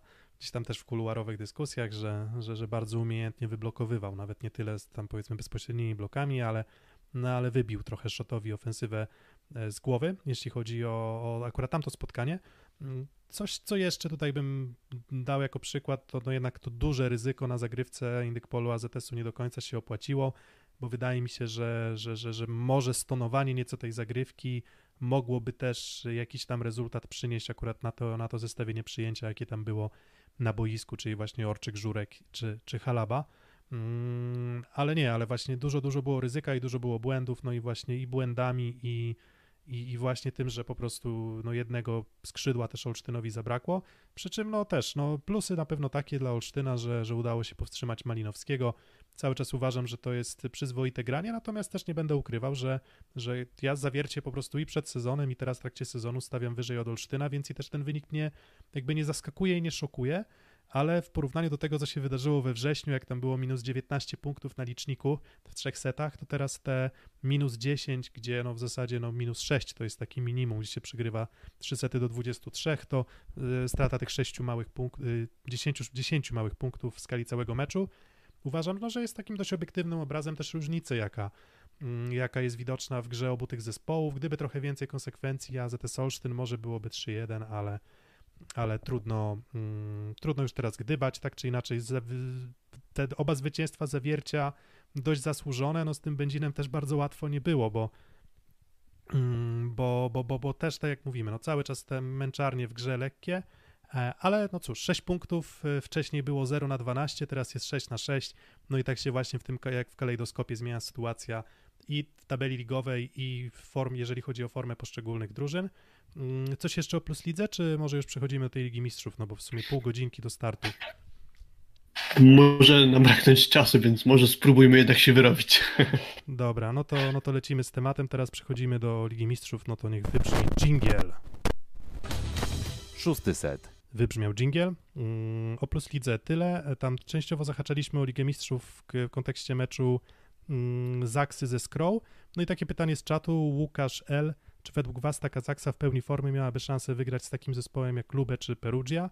No to może takie pytanie możemy obrócić jako całość. Bardzo dziwna będzie to Liga Mistrzów. Wiemy, że Jastrzębski Węgiel nie jedzie na ten pierwszy turniej mm, z uwagi na sytuację epidemiczną, stan zdrowia swoich zawodników ciągle. Mm, no to na co stać polskie drużyny w tych szalonych rozgrywkach? No bo to, że Jastrzębski Węgiel nie wyjdzie z grupy, no to chyba już mamy postawione jako pewnik. No to pamiętam, że w zeszłym roku mieliśmy też dyskusję z Żelkiem Żyżyńskim na temat tego, mm, co mogą osiągnąć nasze drużyny. No to teraz znowu powtórzę to pytanie. E, Liga Mistrzów się zaczyna za pół godziny dla polskich drużyn i co osiągną? No to ja pierwszy, no dobra. Y, fajnie by było, jakby Final Four osiągnęły, znaczy Final Four znowu. Cały czas używam pojęcia, które kiedyś funkcjonowało. Fajnie, jakby doszło do półfinału przeklęta Liga Mistrzów dla Jastrzębia, można powiedzieć, no bo rok temu dyspozycja wicemistrzów rewelacyjna, miał być mecz Trentino, szkoda, że do niego nie doszło, że zawodnicy się trochę zbuntowali i nie pojechali do Włoch na pierwszy mecz. Trudno. E, I tak by to nic nie dało, bo przecież Liga została odwołana finalnie. E, Zaksa może osiągnąć e, półfinał? grupa łatwa mm, dla polskich zespołów, no bo któraś z nich zakładam, że wygra i wyjdzie. E, no i będzie dobrze, poprawcie mnie, jeżeli ja jestem w błędzie, ale będzie w ósemce, tak? E, zespoły, które wyjdą z grupy, tworzę ósemkę, tak? tak? I z ósemki nam się robi czwórka i, i tak dalej, tak? Tak, pięć, no pięć grup. Pięć mamy grup. pewnego ćwierćfinalistę, Tak, pięć no i jego obowiązkiem przy dobrym losowaniu będzie czwórka. I myślę, że takie losowanie możemy liczyć, no bo mm, znowu zakładamy, że pewnie wyjdzie, e, co, wyjdą dwie włoskie, e, pewnie właśnie mogą zagrać tak jak e, Lube i Perugia, żeby obie wyszły, tak? Wyjdzie któraś nasza, może na pewno dwie rosyjskie, no to zostaje na miejsce na przynajmniej jeszcze trzy drużyny, z czego na pewno jedno nie będzie ani z Włoch, ani z y, Rosji. No myślę tak, trzy włoskie, czyli Trentino, Perugia i Lube, bo myślę, że, że, że, że, że nawet pomimo tego, że razem się spotykają w grupie B Cucine Lube z, z, z, z Monini Perugią, pod taką nazwą występują w Lidze Mistrzów, to to no, w szczególności jeszcze w obliczu tego, że no, Arkas Izmir nie pojechał na ten pierwszy turniej, no to trudno jest mi sobie wyobrazić, że, że oni nie zdobędą tych 12 czy 13 punktów każda z tych drużyn, tak? Gdzieś pewnie się podzielą w tych meczach bezpośrednich. No to myślę, że Trentino, yy, Lube, Perugia, trzy drużyny, Zenit Kazań, czwarta. Yy, myślę, że Kuzbas raczej w tej grupie Werwy Warszawa E, piąta, no i PGS Krabełchatów na pewno nie stoi na straconej pozycji, natomiast też nie uważam, że znaczy myślę, że grupę wygra Zaksa, tak, grupę A, e, czyli tą, którą no, będziemy mieli okazję oglądać już za chwilę, mm, ale czy PGS Krabełchatów to jest aż tyle jakości, żeby tam sobie bez problemu poradzić z Fenerbahce i Lindemancem, tak żeby nie stracić punktów, no bo to się liczy. Jakby myślę, że oni są faworytem do zwycięstwa w tych spotkaniach, natomiast czy, czy, nie, będą, czy nie będą głupio tracić punktów? I może byłbym jakiś takim złej myśli, może jakieś e, trochę jak Joker bym powiedział, że wszystkim, wszystko co słyszę to są negatywne myśli, no ale mają w sumie ten swój turniej w Pełchatowie, więc myślę, że we własnej hali powinni, powinni jednak tych punktów nabić w tych czterech spotkaniach, pewnie ze 12, może Zaksie coś urwał, no to to powinno wystarczyć na, na wyjście z grupy. No a Zaksa myślę, że komplecik. Mhm. To zakładam, żeby jakoś uprościć y, cały wywód, że Zaksa bez, bez problemu tę grupę wygra. Obstawiam Kędzierzynian na pierwszym miejscu. No i teraz pytanie, czy PGS, może trochę krzywdząco to, to potraktowałem tę sprawę, że Kędzierzynianie wygrają grupę, bo, bo, bo, bo może jednak nie wygrają, ale obstawiam, że wygrają, ale mówię to w kwestii uproszczenia mm, rozumowania. Zakładając Kędzierzyn na pierwszym miejscu, no to PGS Kras awansując z drugiego miejsca musi liczyć na, znaczy chcąc awansować z drugiego miejsca, musi liczyć na duży dorobek właśnie z Lindemans Alst i Fenerbahce mm, Stambuł. Zobaczyłem w poprzednim sezonie, jak to wyglądało, żeby liczyć się w grze awans do drugiej rundy z drugiego miejsca, czyli będąc w tych trzech najlepszych drużynach e, z drugich lokad, no to w zeszłym sezonie wystarczyło mieć 10 punktów. E, tyle dokładnie miało punktów Trentino i to wystarczyło. Kolejna drużyna, która tam awansowała, miała 11 i jeszcze jedno trochę więcej. No to kogo mamy za rywala? Lindemann Zalst i Fenerbahce Stambuł. Lindemann Zalst, akurat w tym momencie widzę, że grają tiebreaka z Fenerbahce. Myślę, że to, że te drużyny się podzieliły punktami, to już jest niezły znak akurat w kontekście zajęcia drugiego miejsca. No i jaki to jest rywal dla Bełchatowian? Czy tak mm, niezbyt dobrze dysponowanych Bełchatowian y, stać na to, żeby nie tracić punktów z tymi rywalami? Moim zdaniem stać, bo czytałem ostatni wywiad z trenerem belgijskiego zespołu, z Johanem de Vogelemon, wprost powiedział, że Lindemann Salz to jest trzecia siła Ligi Belgijskiej za Knakiem Roselare i za Grignard Maseik, co w sumie nie jest zaskoczeniem żadnym, biorąc pod uwagę klasy tych zespołów, ale też powiedział, że różnica między jego zespołem a tymi dwoma wspomnianymi jeszcze się przed tym sezonem zwiększyła. Druga sprawa jest taka, że nie licząc Van de Voorde i i François Lecata, to średnia wieku tej drużyny to jest 22 lata. E, to też myślę, że dużo mówi. Mm, no i trzecia sprawa to sporo osłabienia względem minionego sezonu właśnie po stronie Belgów, dlatego e, to jak jest to młody zespół, że nawet ich trener stawia ich nie w roli głównych faworytów do wygrania dużo słabsze niż Polska Ligi Belgijskiej, jeszcze oni teraz widzę, że grają w, w Kędzierzynie dzisiaj bez dwóch swoich podstawowych zawodników, bez e, Irona Oprinsa i bez Deny Pody, Denny Poda, takie nazwisko, nie wiem, czy to się odmienia. W każdym razie, no, przyjechali też mocno osłabieni.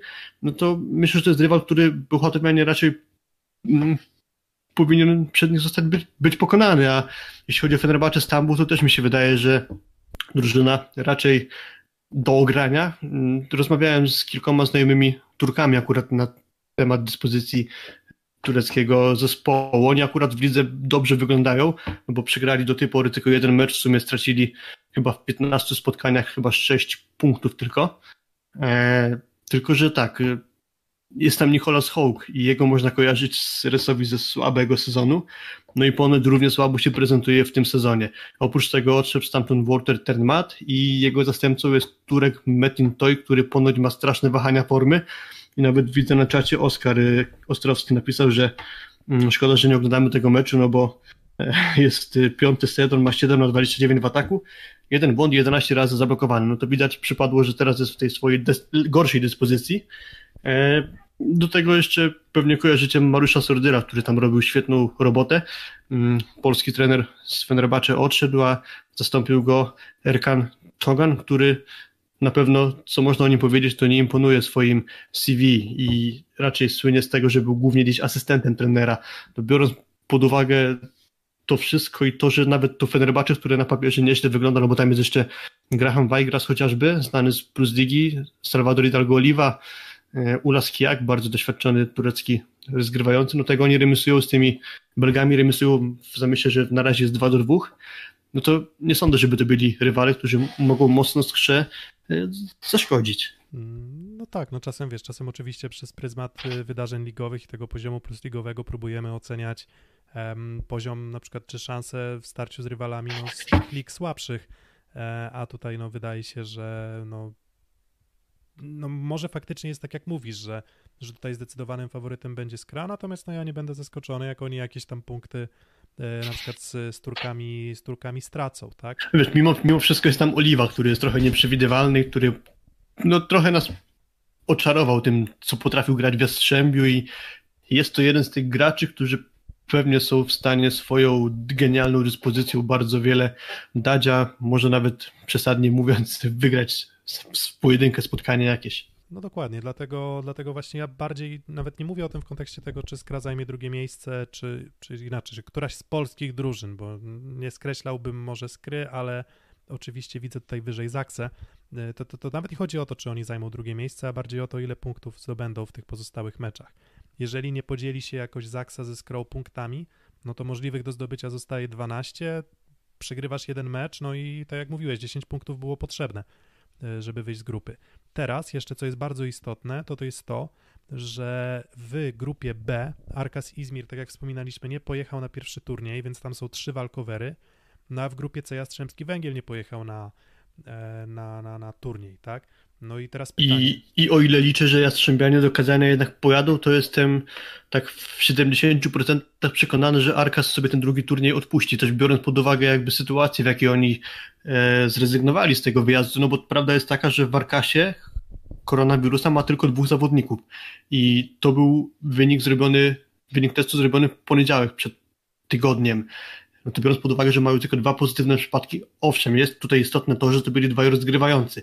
Tylko, że Arkaz Izmir ma w swoim składzie zawodnika, który nazywa się, nie wiem dokładnie jak to przeczytać po turecku, w każdym razie chodzi o Igita Gulmezaglu, e, który od paru sezonów gra na przyjęciu, ale gdy ostatnim razem Arkaz Izmir wygrywał Mistrzostwo Turcji, to akurat on był podstawowym rozgrywającym swojego zespołu i był wybrany najlepszym rozgrywającym ligi tureckiej, więc akurat jeśli Trentino grało w Lidze Mistrzów ostatnio z Nimirem na rozegraniu, no to sądzę, że i Archas właśnie z nim mógłby do Francji się wybrać i pewnie nie byliby skazani na komplet porażek, e, a na pewno nie w stosunku 0 do 25, jak to ma miejsce w przypadku Walkowera, więc biorąc pod uwagę, jak lekką ręką zrezygnowali z tego wyjazdu do Francji, no to sądzę, że niewykluczone, że na drugi turniej też nie pojadą, no bo właściwie po co, skoro awans jest przegrany. Tak, no i wtedy w zasadzie w kontekście drugiego miejsca, no te, te, te, te, i tak te drużyny włoskie stawiamy wyżej.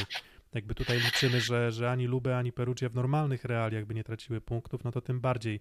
W zasadzie, no jeżeli Arkas Izmir nie pojedzie na, też na drugi turniej, bo na, na to też trzeba zwrócić uwagę, to może nie jest wszystkim e, dla wszystkich takie oczywiste, dla wszystkich słuchaczy, no ale no nie, nie ma tutaj takich już spotkań, że ktoś tam jedzie na wyjazd, ktoś przyjeżdża do siebie, tylko będą to dwa turnieje i na każdym z turniejów będzie rozegrane sześć spotkań i w ten sposób ustalimy rywalizację w tabeli. No to jeżeli Izmir nie pojedzie na ten kolejny turniej do Perugii, mm, no to wtedy co? No to, to, to nie tylko jest wynik 0 do 3, to nie tylko jest zwycięstwo walkowerem, no ale też jest 6,75 do 0 w małych punktach. Więc jeżeli ktoś by tam liczył nagle teraz, że może małe punkty e, będą musiały rozstrzygać na przykład o awansie, no to trochę wydaje się to być nie fair dla drużyn, które będą grały te turnieje w normalnym stylu.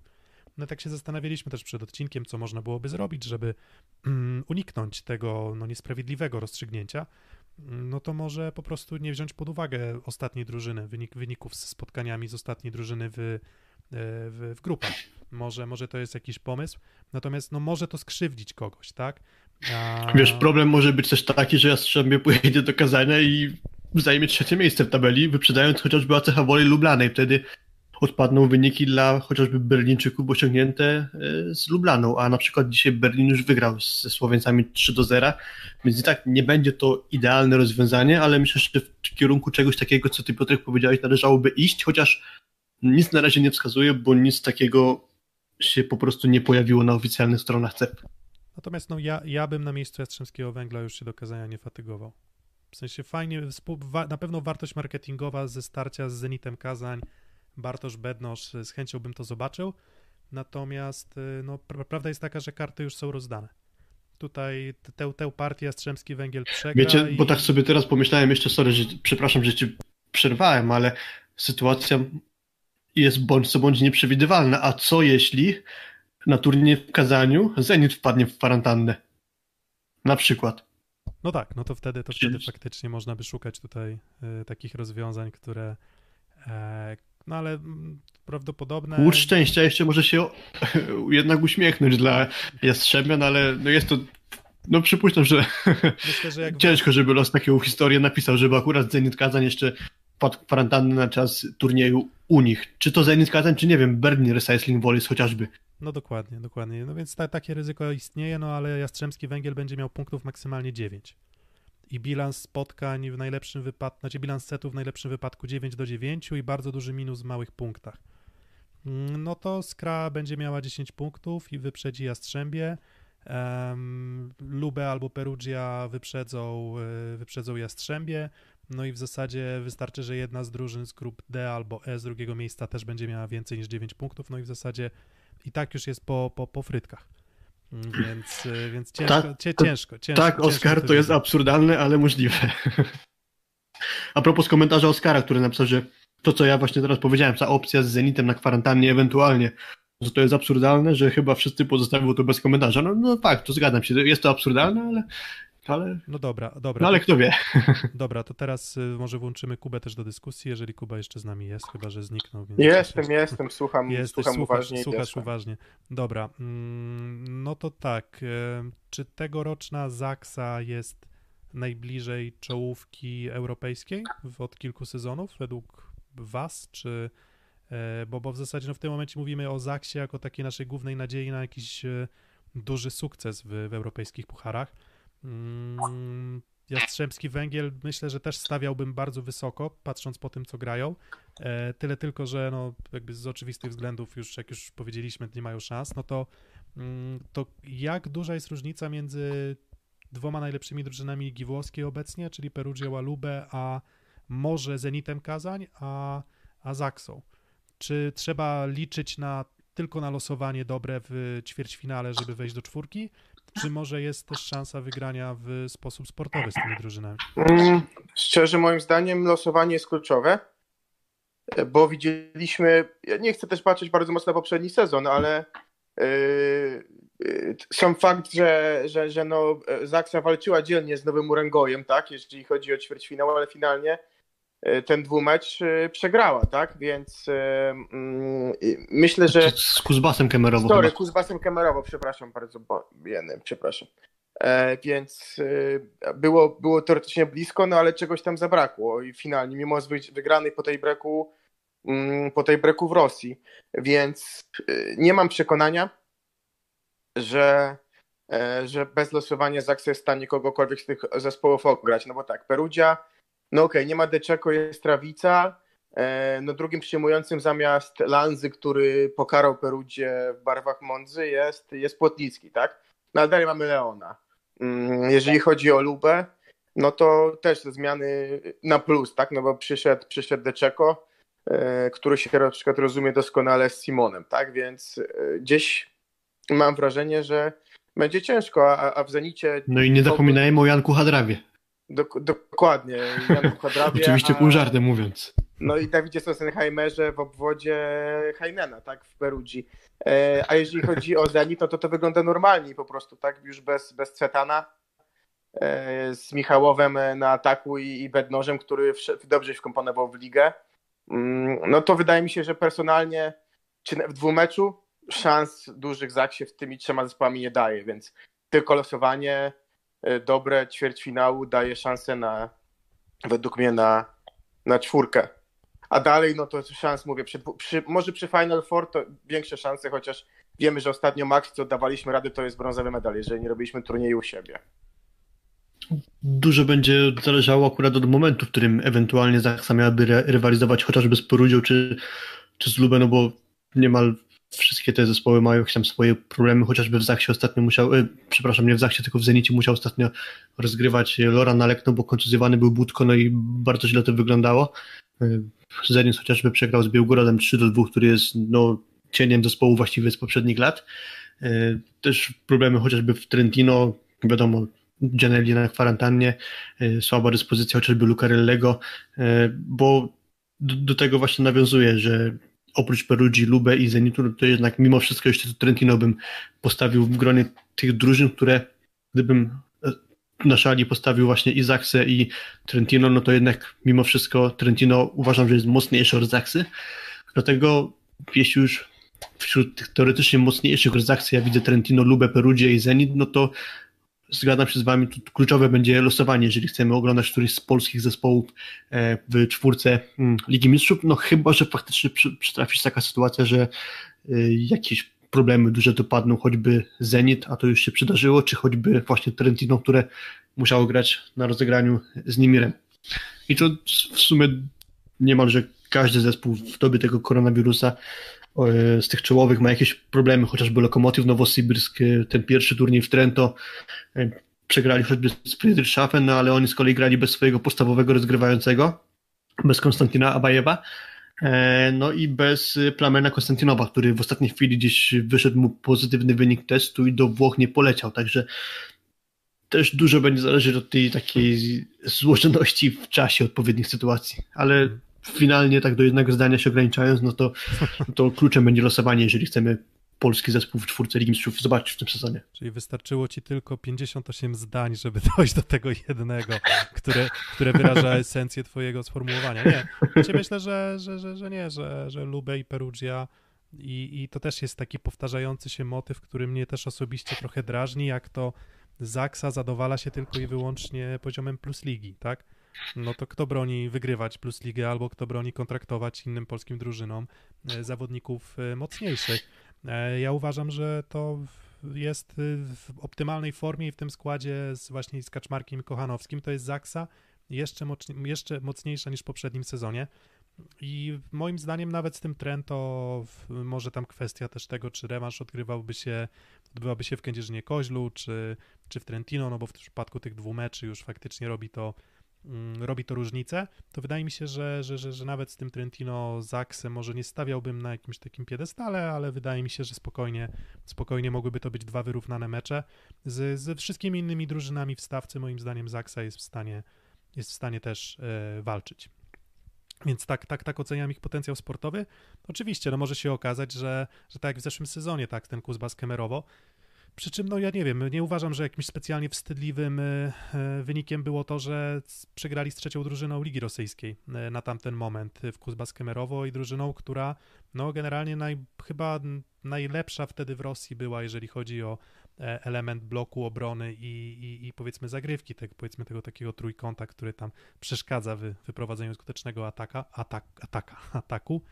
Um, więc y, mówię, dlatego ja uważam, że Zaksa spokojnie może, może walczyć ze wszystkimi. Mm, Skra to już jest szczebelek niżej. Zresztą pokazuje to tabela, tak? Nie ma, nie ma, wiesz, nie ma się tutaj specjalnie, specjalnie spinać. I w przypadku Werwy Warszawa, bo jeszcze o Werwie możemy wspomnieć, oni w grupie z Knakiem Rozelare, Kuzbasem Kemerowo i Leoszu z Modena to nie jest taka zła grupa, jakby się wydawało na papierze, tak? Bo, bo ta Modena to już nie jest tak mocna Modena jak w poprzednim roku. Kemerowo chyba też nie jest aż tak mocnym Kemerowem jak, jak w poprzednim roku. Natomiast... No wiesz, Poletajewa zastąpili Zajcewem, więc to jest niebagatelne zastępstwo. Tak, oczywiście, no ale myślę, że, że znaczy okej, okay, pytanie, czy, czy Zajcew gra na poziomie Poletajewa, czy Poletajew na poziomie Zajcewa teraz. Czy patrząc na obecny sezon, to bardzo źle gra Poletajewa, z kolei Zajcew jest w czołówce punktujących na pewno Superligi, więc akurat nie, Zajcew gra bardzo dobrze na razie. No tak czy, to, tak, no tak czy inaczej, um, nie wydaje mi się to być też grupa, w której Werwa nie mogłaby powalczyć, ale musiałaby być w optymalnej formie. Musiałby być w formie Kwolek, musiałby być w formie Szalpuk. Środkowi um, na ten moment po prostu jakoś sportowa... Musiał, musiałby być w formie Anastazji. Mam na myśli to, czy on po prostu sobie tej Ligi Mistrzów ponownie z jakiegoś powodu nie odpuści, no bo wiemy, co się działo w poprzednim sezonie i tak teraz myślę sobie o tym właśnie, co się wtedy wydarzyło, myślę sobie o tym, co dzieje się teraz w kontekście Jastrzębian, że w takiej, a nie innej sytuacji zdrowotnej mm, zrezygnowali z wyjazdu do Berlina i teraz zastanówmy się, w jaki sposób polskie te drużyny, akurat te dwa konkretne przykłady, yy, przejawiają, czy tam yy, prezentują Polskę na arenie międzynarodowej. No moim zdaniem jednak yy, dużo słabiej, czy też po prostu dużo gorzej oceniam to, co robiła Werba w zeszłym sezonie Ligi Mistrzów, czyli wystawiała rezerwowy skład i w efekcie nie wyszła z grupy, aniżeli teraz w sytuacji takiej zdrowotnej, a nie innej. Jastrzębianie de facto walkowerem oddają wyjście z grupy. No jednak moim zdaniem gorszy obraz dla mnie pozostaje po zachowaniu w Warszawie, aniżeli Jastrzębian nie chciałbym, nie chciałbym tego rela relatywizować, wiesz, jakby nie chciałbym też tego porównywać. Siła bo... wyjścia też trochę dla tak, Jastrzębia, tak, bo więc... gdzieś oni bardzo długo z tym się już borykają, z tymi problemami, że tam co chwilę ktoś inny wypada. Um...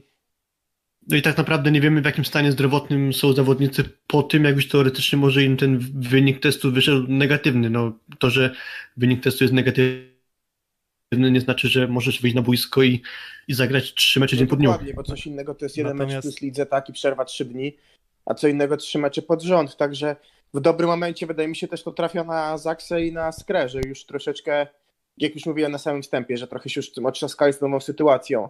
Mm, Modena, e, no paradoksalnie grupa, e, tak jak powiedziałeś, się zgadzam, że, że grupa dosyć przyjemna, jeżeli chodzi o, o, o Warszawę. E, no bo Modena jest chyba najsłabsza w historii, jeżeli powiem tak. Nie wiem, czy będę, czy będę w błędzie. Jeżeli no wystarczy powiedzieć, że odszedł Anderson, odszedł Zajcew, odszedł Holt, e, a Modena w tym sezonie Serie A ma tyle samo wygranych, co porażek. To, to no sporo i odszedł, mówi. I odszedł no właśnie, i Bartosz więc... Bednosz odszedł.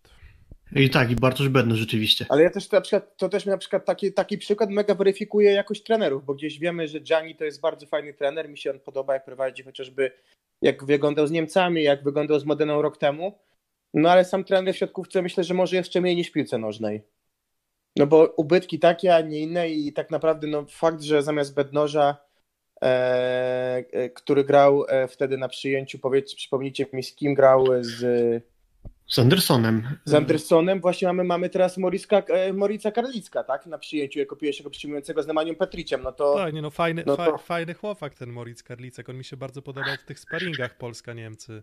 No mi się też ale, podoba, ale, ale, ale no, no, Petric, jest, Karlicek, Abednosz, Anderson, tak, no to... Tak, nie, oczywiście, nie ma o czym. Tak, ale potem patrzysz, kto gra na ataku, jest tam Luca Vettori, który no, delikatnie mówiąc, raczej nie zachwyca w ostatnim czasie, zresztą też wraca po kontuzji barku, po tym wypadku motocyklowym ale bądź co bądź są tam dwie gwiazdy światowego formatu, można powiedzieć, bo jednak to nie jest tylko totalny zespół średniaków, no bo no tak, bądź co bądź ostali się nie Gianelli, tylko Christensen z Grebennikowem. No tak, ale to jest libero z rozgrywającym, ale jak mówisz o Vettorim, to ja naprawdę no, muszę powiedzieć, nie wiem czy już kiedyś mówiłem na, na antenie, ale mm, miałem kiedyś okazję być na fantastycznym meczu, on jeszcze był w mojej rodzinnej Gdyni w hali dużo lepszy do siatkówki niż Ergo Arena, w sensie bliskości jakby trybuny tych emocji i to był ten mecz Gdańska z, z Modeną, a tam, a tam był Bruno, Lukas, mm, Ngapet, no i ten właśnie Vettori na ataku, który trochę odstawał i którego tam co, co, co raz po raz y, blokował y, grający mecz życia Miłosz Hebda. ale rewelacyjny mecz, naprawdę. Pamiętam ten tiebreak, pamiętam, no, NKP, który miał dobry humor i się bawił, ale no, emocje, jakość i odbiór, jeżeli chodzi o też miejsce w tej małej hali, no, rewelacyjne. Znaczy małej, no. Hmm. Czterotysięcznej, no ale przy ergo małej. Tak, no to teraz kibiców nie będzie na trybunach. E, turnieje w, Rozelare i turnieje w Modenie, więc e, na Torwarze e, kibice nie będą mieli okazji zobaczyć nawet, no bo w lutym teoretycznie już może kibice wrócą. Przynajmniej w części hal, przynajmniej może w jakimś tam niewielkim wycinku, ale na ten moment chyba wszędzie w Europie, gdzie tylko nie, nie, nie, nie będą rozgrywane turnieje, to ta druga fala koronawirusa dojechała na tyle organizatorów, że tam chyba kibiców żadnych mm, nigdzie nie uświadczymy. Um, no dobra, no to wydaje mi się, że co, 20.26, zaraz mecz się zaczyna, więc tutaj możemy postawić kropeczkę. Więc cóż, e, stawiamy, że Skra i Zaksa mogą spokojnie wyjść z grupy. Jastrzębie nie ma, praktycznie będzie miało po co jechać na drugi turniej do Kazania. Mm, no a w grupie D Werwa niech walczy, natomiast wydaje mi się, że po prostu ich problemy sportowe w tym sezonie są na tyle mocne, że, że, że, że w zeszłym sezonie po prostu grali lepiej. W tym sezonie wydaje mi się, że jednak trochę, trochę większe, więcej zgrzytów w grze Warszawian i ja też nie spodziewam się, żeby oni akurat byli w stanie mm, ograć, nie wiem, znaczy oni mogą zająć drugie miejsce w grupie, tego, tego nie mówię, że nie, ale nie wiem jak będzie też z liczbą punktów i wydaje mi się, że też najbardziej wyrównana grupa, no a grupa E, no to VB Friedrichshafen, Trentino, CS Karlowarsko i Lokomotiv Nowosybirsk po pierwszym turnieju, no bo to ten turniej, którym Liga Mistrzów wystartowała w tym sezonie, e, Trentino punktów zdobyło 8 i to bez nominalnych rozgrywających. Um, na drugim miejscu. e, I, I de facto bez nominalnego atakującego.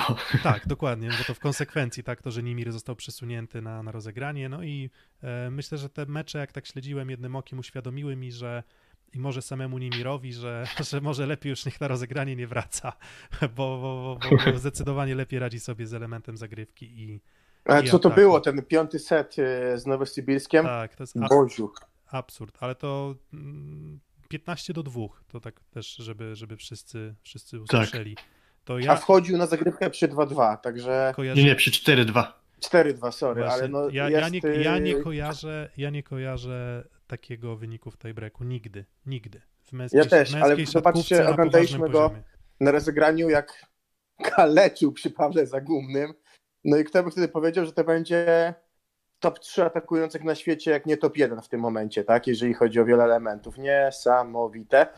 Może jeszcze nas Dosange zaskoczy, może któryś inny z drugich rozgrywających, no bo to Tak, ale, niesamowita ale historia, wiesz co, szczerze. ja, ja, ja swego czasu, jak sobie tak sobie taką bazę danych też przygotowałem z Ligi Włoskiej, to tam e, Iwan Zajcew zaczynał od rozegrania też. A, Okej. Więc, To może popularne, też na przykład element. patrząc na Nimira, patrzę też na takiego kogoś jak Primoz Roglic, nie wiem czy kojarzycie przykład. To jest y, były Eee, skoczek, Tak, tak. e, tak. który, który był raczej bliższy poziomowi Roberta Matei niż Adama Małysza, ale, ale miał jakiś tam potencjał, wypadek i, i dzisiaj y, najlepszy kolarz tego roku na świecie, więc bywa i tak. Tak, bywa, bywa i tak, aczkolwiek muszę przyznać, że przejście z jednej dyscypliny do drugiej to to, to w ogóle imponuje. W szczególności ze sportu zespołowego, jeszcze w obrębie lekkiej atletyki, to jakoś, jakoś nie byłem w stanie zrozumieć, nie wiem, skok w dal i na przykład bycie, nie wiem, e, sprinterem. E, No ale to, to, to już mnie osobiście A propos jakichś absurdalnych historii, to mi się przypomina z kolei Jegor Kliuka, który gdzieś w młodości był leworęcznym szermierzem, a został praworęcznym siatkarzem. No właśnie, no i cóż, em, więc na szermierkę rywalizacja się odbywać w Lidze Mistrzów w tym sezonie.